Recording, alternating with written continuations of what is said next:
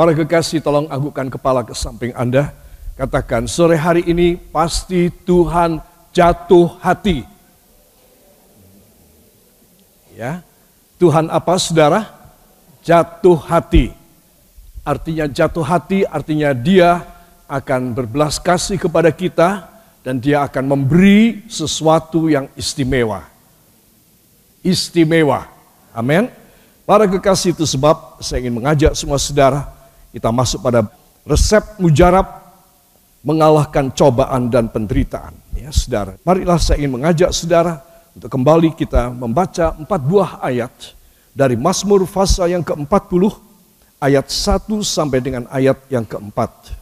Dengan suara yang nyaring, kita mulai dari judulnya. Satu, dua, syukur dan doa untuk pemimpin biduan, Mazmur Daud.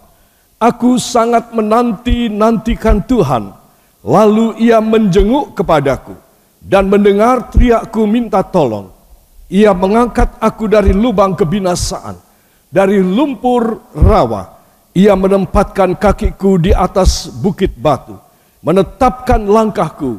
Ia memberikan nyanyian baru dalam mulutku untuk memuji Allah kita. Banyak orang akan melihatnya dan menjadi takut. Lalu percaya kepada Tuhan. Amin. Ya, saudara, yang sering kita nyanyikan, ya, ia memberikan nyanyian baru dalam mulutku, ya, untuk memuji Allah kita. Banyak orang akan melihatnya dan menjadi takut, lalu percaya kepada Tuhan. Amin. Para kekasih, judul daripada pasal ini adalah syukur dan doa.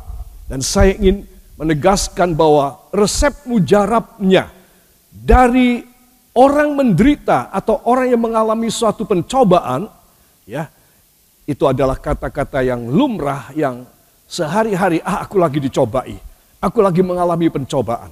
Ya saudara, sebetulnya itu tidak betul, tetapi saya menuliskan ini supaya saudara tahu bahwa oh ketika aku ngalamin ini, ya sesuatu cobaan atau sesuatu penderitaan, aku bisa mendapatkan jalan keluar aku bisa mendapatkan penyelesaian. Ya saudara, inilah yang saya dan saudara harus ketahui. Ya saudara, para kekasih, resep yang mujarab itu adalah apa? Baru saja saya bicara. Resep yang mujarab itu adalah apa? Bersyukur dan berdoa. Jadi dua ini adalah penting sekali. Saya sudah panjang lebar menjelaskan bahwa Tuhan lebih suka kita bersyukur. Ya saudara, bukan berarti doa tidak penting, doa penting, tetapi orang berdoa itu terlalu melibatkan perasaan emosional. Tetapi kalau orang bersyukur itu cuma satu perasaan. Perasaan apa saudara? Perasaan apa? Bersyukur. Cuma satu macam perasaan. Berikan buat Tuhan. Ya saudara. Sebab kalau dia lagi jengkel, dia tidak bisa bersyukur. Dari mana? Ya saudara, itu sebab seorang yang bersyukur ini cuma satu perasaan untuk dia persembahkan kepada Tuhan. Ya saudara, sementara orang berdoa dia bisa berkecamuk segala macam. Galaulah dia baru cemburuanlah dia baru dendam kesumat, dia baru jengkel, dia baru ngamuk. Saudara, tetapi seorang bersyukur cuma satu perasaan aja. Perasaan apa? Bersyukur. Ya, itu sebab kenapa Tuhan suka orang bersyukur dan Tuhan jatuh hati kepada orang yang bersyukur. Ya, para kekasih, mari kita akan melihat tentang hal ini. Resep yang mujarab itu adalah, ya saudara, bersyukur dan berkemenangan. Ya saudara, kenapa orang bersyukur itu bahkan dia melebihi orang berdoa sehingga hasilnya adalah kemenangan. Hasilnya adalah sesuatu perubahan yang luar biasa ketika Tuhan melihat tangannya dinaikkan ke atas, suaranya bersyukur, hatinya terbuka buat Tuhan. Mungkin dia sedang dalam keadaan pencobaan atau penderitaan. Tetapi ketika dia mengangkat tangan dan dia bersyukur, dengan air mata barangkali, Tuhan jatuh hati kepada dia. Ya, saudara. Nah, inilah rahasia yang mujarab daripada orang-orang yang mengerti tentang bagaimana menjatuhkan hati Tuhan. Bila saudara sudah lama berdoa, namun belum dikabulkan dan belum dijawab, saudara harus pakai cara ini. Ya, saya mau tanya, ini sudah yang keempat ya. Pelajaran ini, apakah saudara di rumah dua minggu dan seminggu yang lalu itu melakukan bersyukur apa tidak? Melakukan apa tidak? Kalau saudara melakukan, pasti hasilnya beda. Amin. Tetapi kalau saudara dalam keadaan sulit, dalam keadaan pencobaan, dalam keadaan penderitaan, saudara hanya bisa berdoa saja, mungkin sampai lama Tuhan baru jawab. Ya, itu sebab mulai dari pelajaran ini, mulai malam ini, besok dan seterusnya, cobalah mengangkat tangan dengan bersyukur saja. Ya, saudara. Maka Tuhan akan memberikan perjanjian-perjanjiannya ketika seseorang penuh dengan ucapan syukur. Ya, Mari kita akan membuka dalam Mazmur 139 ayat yang ke-14. Saudara, ini awal daripada kenapa orang bersyukur ya. Satu, dua. Aku bersyukur kepadamu oleh karena kejadianku dahsyat dan ajaib. Ajaib apa yang kau yang kau buat dan jiwaku benar-benar menyadarinya. Amin. Saudara, ini berbicara mengenai soal kandungan daripada seorang ibu. Ya, lalu terjadilah dia bersalin seorang anak, laki atau perempuan. Ya, saudara. Jadi di sini kejadianku itu luar biasa. Ya, saudara. Aku bersyukur kepadamu oleh karena kejadianku dahsyat dan ajaib. Ya, saudara, memang dahsyat dan ajaib. Itu menjadi pola dari perkembangbiakan manusia. Ya, saudara, yang Tuhan melakukannya. Coba di dalam tubuh kita ini berapa puluh organ-organ yang semuanya berfungsi. Berapa puluh ribu fungsi dari tiap-tiap dari semua organ pada satu tubuh ini. Itu diciptakan oleh Tuhan secara ajaib dan secara dahsyat di dalam kandungan ibu kita. Ya saudara. Nah setelah kita lahir baru itu berkembang. Tapi itu semua sudah ada di dalam fetus calon bayi dan kemudian lahirlah bayi. Ya saudara. Bahkan beberapa sudah mulai terjadi dari pada saat sigot. Sigot adalah hasil pertama dari pertemuan spermatozoa dengan sel telur lalu menghasilkan calon fetus.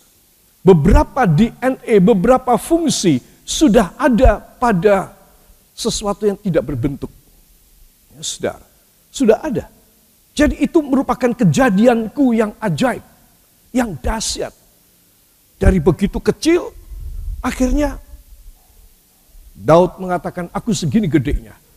Saudara, itu sesuatu hal yang luar biasa. Para kekasih, saya ingin supaya saudara tahu, kalau seorang tidak menyadari dia pernah dikandung ibunya, seorang dia tidak menyadari bahwa dia pernah dilahirkan, dia pernah dikandung sebagai satu perbuatan Allah yang dahsyat. Ya, saudara, ilmu pengetahuan kedokteran, saudara, ilmu pengetahuan tentang sel dan pembelahan sel, saudara, itu kemudian mengikutinya dan mereka terkagum-kagum bahwa memang ini kalau bukan ciptaan ini bukan karena pola dari Tuhan. Ya, tidak mungkin ini bisa terjadi. Saudara, jadi inilah yang membuat pemazmur mengatakan aku bersyukur karena betapa dahsyat dan ajaib kejadianku. Ya, saudara. Nah, inilah yang saya dan saudara perlu menyadari. kalau kita menyadari bahwa kita pernah ada di dalam kandungan ibu kita, pernah dilahirkan, saudara. Maka kita harus bersyukur kepada Tuhan. Ya, saudara. Dan saya yakin kita semua mulai malam ini belajar dan berusaha untuk supaya kita semakin bersyukur. Orang yang makin bersyukur, makin Tuhan makin jatuh hati di dalam hidup dia. Amin. Para kekasih, itu sebab di sini katakan, saya menuliskan nafas syukur. Jadi sepertinya syukur ini jangan terlepas. Jangan dibedakan dari hidup. Syukur harus merupakan sesuatu yang menyatu dengan hidup kita. Ya, saudara. Nah, kenapa? Karena kita dibikin oleh Tuhan itu dahsyat. Saudara. Nah, kalau kita sekarang sudah menjadi orang-orang dewasa dan kemudian kita menyadari tentang hal tersebut, saudara, maka Tuhan pasti akan memberikan ya segala pemeliharaan bagi kita. Karena kita memang wajib dia pelihara. Tetapi dia bisa tidak memelihara saya dan Anda. Karena kita tidak tahu bersyukur. Bahkan orang yang tidak tahu bersyukur berarti dia adalah orang yang berani kepada Tuhan. Ya saudara, jadi ini antara berani dan bersyukur ini dekat sekali. Padahal ini kosok baline. Ini adalah sesuatu yang konfrontasi dan kontroversial. Itu sebab anak-anak Tuhan, saya tuliskan nafas syukur. Katakan, saya harus memiliki nafas syukur. Setiap tarikan dan hembusan nafas saya, penuh ucapan syukur. Ya, saudara. Saudara mengalahkan setan dengan cara demikian. Saudara mengalahkan semua perasaan bahwa saudara gagal, bahwa saudara tidak berguna, bahwa saudara adalah orang yang disakiti, bahwa saudara adalah orang yang dibuang. Dengan bersyukur, saudara. Karena itu awalnya saudara ada. Saudara. Itu sebab anak-anak Tuhan nafas syukur. Kenapa? Karena kejadianku ajaib. Katakan, saya harus memiliki nafas syukur karena kejadian saya ajaib. Beri tepuk tangan bagi dia. Saudara-saudara, ya, di dalam terjemahan Alkitab bahasa Inggris, yaitu the Green Literal Bible disebutkan, I will thank you, for with awesome ways I am distinguished. Your works are marvelous and my soul knows it very well. Ya saudara, I will thank you. I will thank God. Apa sebab? For with awesome ways. Karena dengan dengan cara dan jalan yang dahsyat. Ya, saudara. I am distinguished. Aku ini dibedakan. Aku ini diistimewakan. Ya. Your works are marvelous. Jadi di sini saya perlu menekankan bahwa pekerjaan Allah itu bahkan mengalahkan segala keadaan.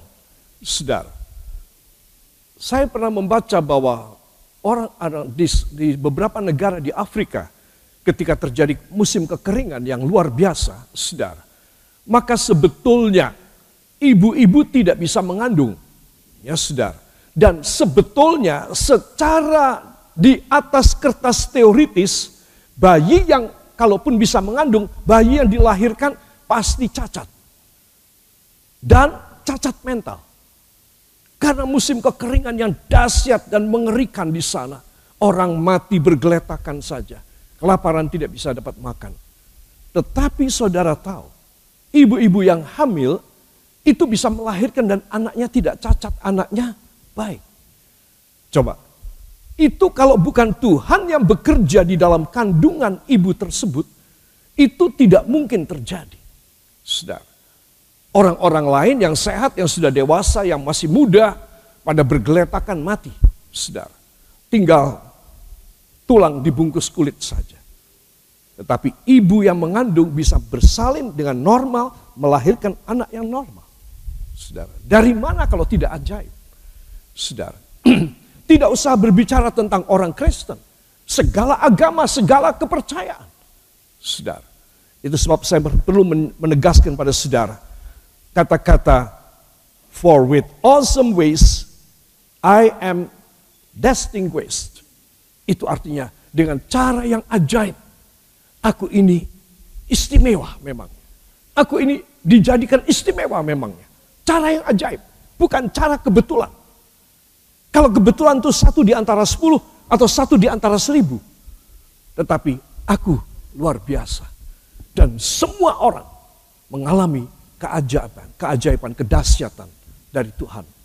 Kalau orang menyadari tentang hal ini, dia pasti bisa bersyukur. Itu sebab kenapa pemazmur dengan ilham Roh Kudus menuliskan mengenai soal proses terjadinya bayi dalam kandungan 9 bulan 10 hari dan dilahirkan saudara. Karena ilham roh memberitahu kepada pemazmur bahwa ini loh kejadiannya. Kenapa kamu mesti bersyukur itu kenapa? Gitu. Ya. Jadi para kekasih, pelajaran ini penting sekali ya saudara. Dan ini kalimat terakhir nih. And my soul knows it very well. Dan jiwaku tahu banget. Tahu banget. Nah ini loh. Kenapa dikatakan jiwaku tahu banget? Karena aku nyadar. Gak mungkin aku bisa ada tanpa keajaiban Tuhan. Ya, saudara. Itu sebab anak-anak Tuhan, perhatikan, tidak ada alasan seseorang tidak bersyukur karena dia pernah dikandung dan dia pernah dilahirkan.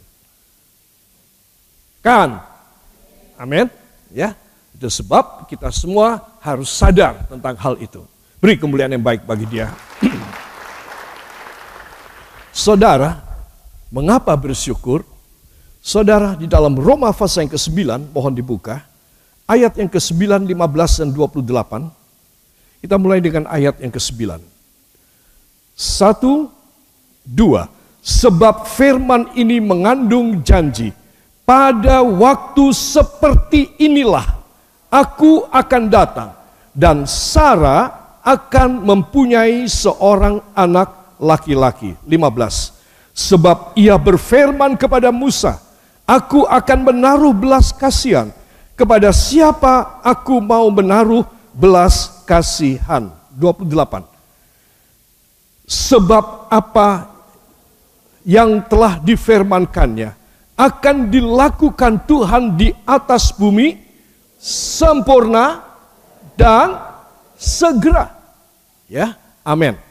Para kekasih, kita akan melihat nanti mengenai soal Dua orang yang disebutkan dalam ayat yang ke-9, sebab firman ini mengandung janji. Mengandung janji. Firman ini mengandung apa? Janji. Ya. Lalu dijelaskan oleh Rasul Paulus kepada jemaat orang-orang di Roma, pada waktu seperti inilah aku akan datang. Ya, itu firman dari Tuhan kepada siapa? Kepada Bapak Abraham.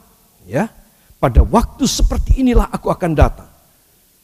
Peristiwanya adalah, saya jelaskan sekilas, pada hari yang panas terik, kata kitab kejadian. Abraham itu duduk di luar tenda untuk cari angin. Dan kemudian dia seperti agak mimpi, dia melihat bayangan tiga pria.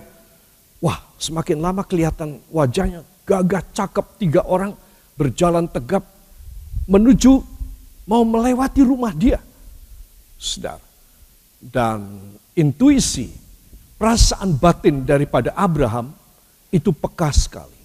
Ya, saudara. Mungkin kalau kita kita tidak anggap itu bahwa tiga pria ini adalah Allah. Tapi Abraham menganggap tiga pria ini Allah. Karena luar biasa. Saudara. Itu sebab dia langsung berdiri dari duduknya dan dia menghadang tiga pria ini di tengah jalan dan sembah di kaki mereka dan berkata, Tuhan, Tuhan, kalau Tuhan-Tuhan memberikan belas kasih, tolong singgah sebentar di depan kemah hamba. Biarkan hamba mengambilkan air untuk minum dan mencuci kaki Tuhan. Saudara. Dan saya tidak tahu ini orang tua cepat sekali berpikir. Ya. Seorang yang kalau pada tatanan kita secara uh, secara tingkatan kecerdasan, Abraham ini pasti dia termasuk salah satu orang yang cerdas sekali. Dia dengan cepat menangkap ini Allah. Jadi aku harus stop, aku harus gimana caranya aku harus bawa pada kemahku. Karena ada permintaanku yang belum dikabulkan. Tuh lihat, cepat sekali ini orang. Ya saudara, itu sebab dia menghadang dan dia minta supaya tiga pria ini berhenti. Ya saudara, pada waktu itu dia mendirikan kemahnya di hutan jati Mamre. Jadi hutan itu semua pohon jati. Dan namanya adalah Mamre. Jadi kalau saudara jualan kayu jati, saya anjurkan pakai nama toko Mamre. Karena itu adalah dalam kitab kejadian tempat jati-jati terbaik. Ya, saudara. Dan kemudian setelah selesai dia tidak memberikan air minum. Dia memberikan air susu, dia um, menyembelih anak lembu yang paling tambun dan paling empuk dagingnya dan istrinya disuruh bikin roti yang dengan tepung yang paling bagus. Rupanya ini tepung, ada tepung yang hanya khusus untuk tamu-tamu yang istimewa. Mereka sendiri makan tepung yang biasa. Saudara, dan disajikan. Saudara, sehingga tiga orang ini kemudian memberikan janji. Apa saudara? Memberikan apa? Janji. Ya, katakan sehingga Allah memberikan janji. Saudara, ini poin saudara pegang ya. Kenapa aku membaca Alkitab? Ini sudah janji. Tetapi sepertinya aku pribadi tidak menerima janji. Abraham punya firman. Abraham kenal dengan Tuhan Allah, Yehova. Dia adalah pembuat mesbah. Yang pertama dan menyebut nama Tuhan. Saudara, kalau kita mempelajari dalam kitab kejadian. Dia mengenal dan dia tahu janji-janji Allah. Tetapi baru ketika itu dia menerima janji. Ya saudara, jadi kita mengetahui janji Allah banyak dalam kitab Alkitab saudara, di dalam gadget saudara.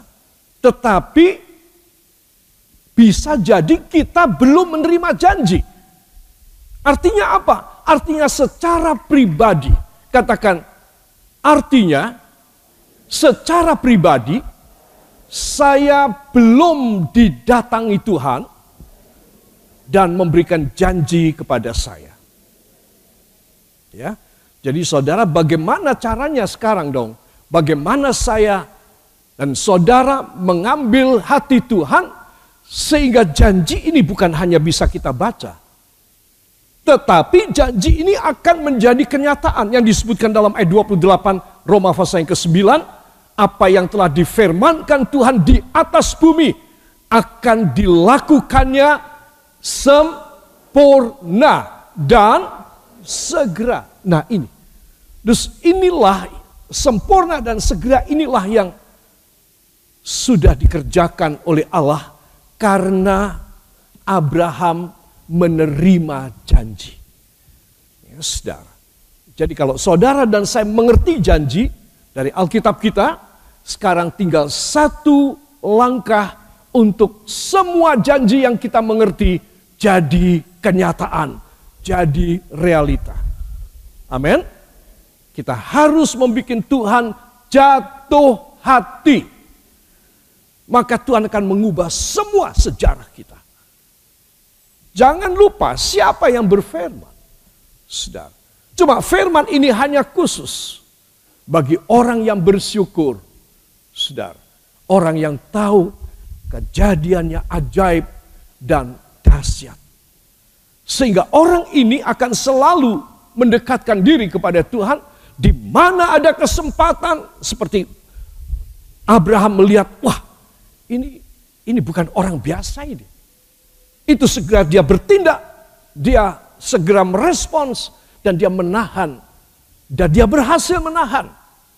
Ya, jadi di sini kita melihat bedanya orang. Bedanya orang Kristen mengerti firman dan membuat suatu reaksi.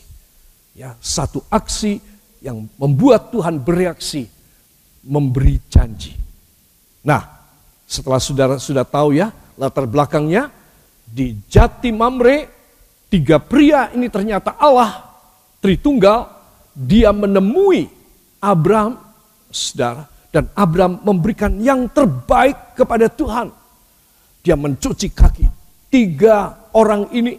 Dia memberikan minum, minuman, ya saudara. Dia memberikan makanan, dia memberikan roti. Saudara, dan setelah tiga orang ini kenyang, lalu apa? Mereka salah satu mengatakan, setahun lagi aku ke sini. Sarah istrimu sudah punya anak. Jadi saya beritahu, ketika janji diberikan, Paulus mengatakan, ketika janji itu diberikan, ayat yang ke-9 ya, pada waktu seperti inilah, aku akan datang dan Sarah akan mempunyai seorang anak laki-laki. Jadi saudara ketika janji itu diberikan, nah tadi seperti Mazmur 143, kejadiannya ajaib. Terjadilah konsepsi dalam istilah medis, biologis, yaitu terjadilah pertemuan antara spermatozoa dengan sel telur. Ketika janji diberikan, itu SK ada. Kalau saudara memperhatikan kalimat ini, pada waktu seperti ini, aku akan datang dan Sarah akan mempunyai seorang anak laki-laki. Artinya semua kemungkinan Sarah yang tidak mungkin punya anak, ya umur berapa? Umur 89 Sarah. Segala kemungkinan yang Bapak Abraham tidak bisa punya anak, umur berapa Bapak Abraham? 99. Itu semua sirna tiba-tiba muncul suatu kesuburan ilahi yang dahsyat. Jadi ketika janji diberikan, itu sama dengan SK diberikan kepada mereka. Itu sebab kenapa seseorang harus bersyukur. Tadi kita sudah melihat ya bahwa kejadianku ini adalah luar biasa. Mazmur 139 ayat 14. Ya, Saudara. Karena dengan cara yang awesome, engkau telah membedakan aku dan aku ada luar biasa. Saudara, adanya aku gak sama dengan orang-orang yang sudah ada. Adanya aku adalah luar biasa karena aku tahu. Ketika engkau berfirman, engkau memberi janji kepada Abraham, kepada Sarah, itu engkau meletakkan SK buat mereka saudara. Nah, jadi kalau saudara bisa menangkap penjelasan ini, maka saudara akan mudah menerima janji yang mustahil sekalipun dalam hidup saudara. Yaitu ketika saudara menerima Tuhan sepertinya datang kepada saudara. Dan saudara menstop dia untuk tidak melewati saudara. Tapi berhenti kepada saudara. Ya, saudara. Di sini kita melihat bahwa orang yang punya nafas syukur memang dia dekat dengan realisasi perjanjian-perjanjian Allah. Tetapi seorang yang tidak tahu bersyukur, maka dia jauh, walaupun dia barangkali hafal, dia bisa berkhotbah seperti saya, tapi dia bisa tidak menerima yang banyak, barangkali pasti sedikit, pasti sedikit. Seperti burung di udara, seperti bunga rumput di padang, pasti sedikit terimanya. Tapi seorang yang bisa menghayati akan segala rencana Allah. Lalu kalau aku sudah ada ini, aku sudah dilahirkan, sudah dewasa ini, aku untuk apa? Nah ini saudara. Jadi saudara mesti tahu bahwa saudara harus menyadari. Sebab disebutkan, and my soul knows it very well. Dan jiwaku ngerti banget akan hal itu. Ini loh.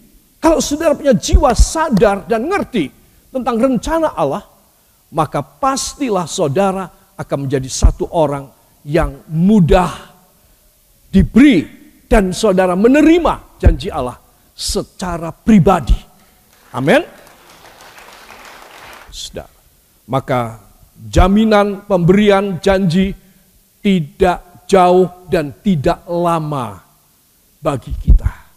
Katakan tidak jauh dan tidak lama bagi saya. Janji pasti nyata. Amin.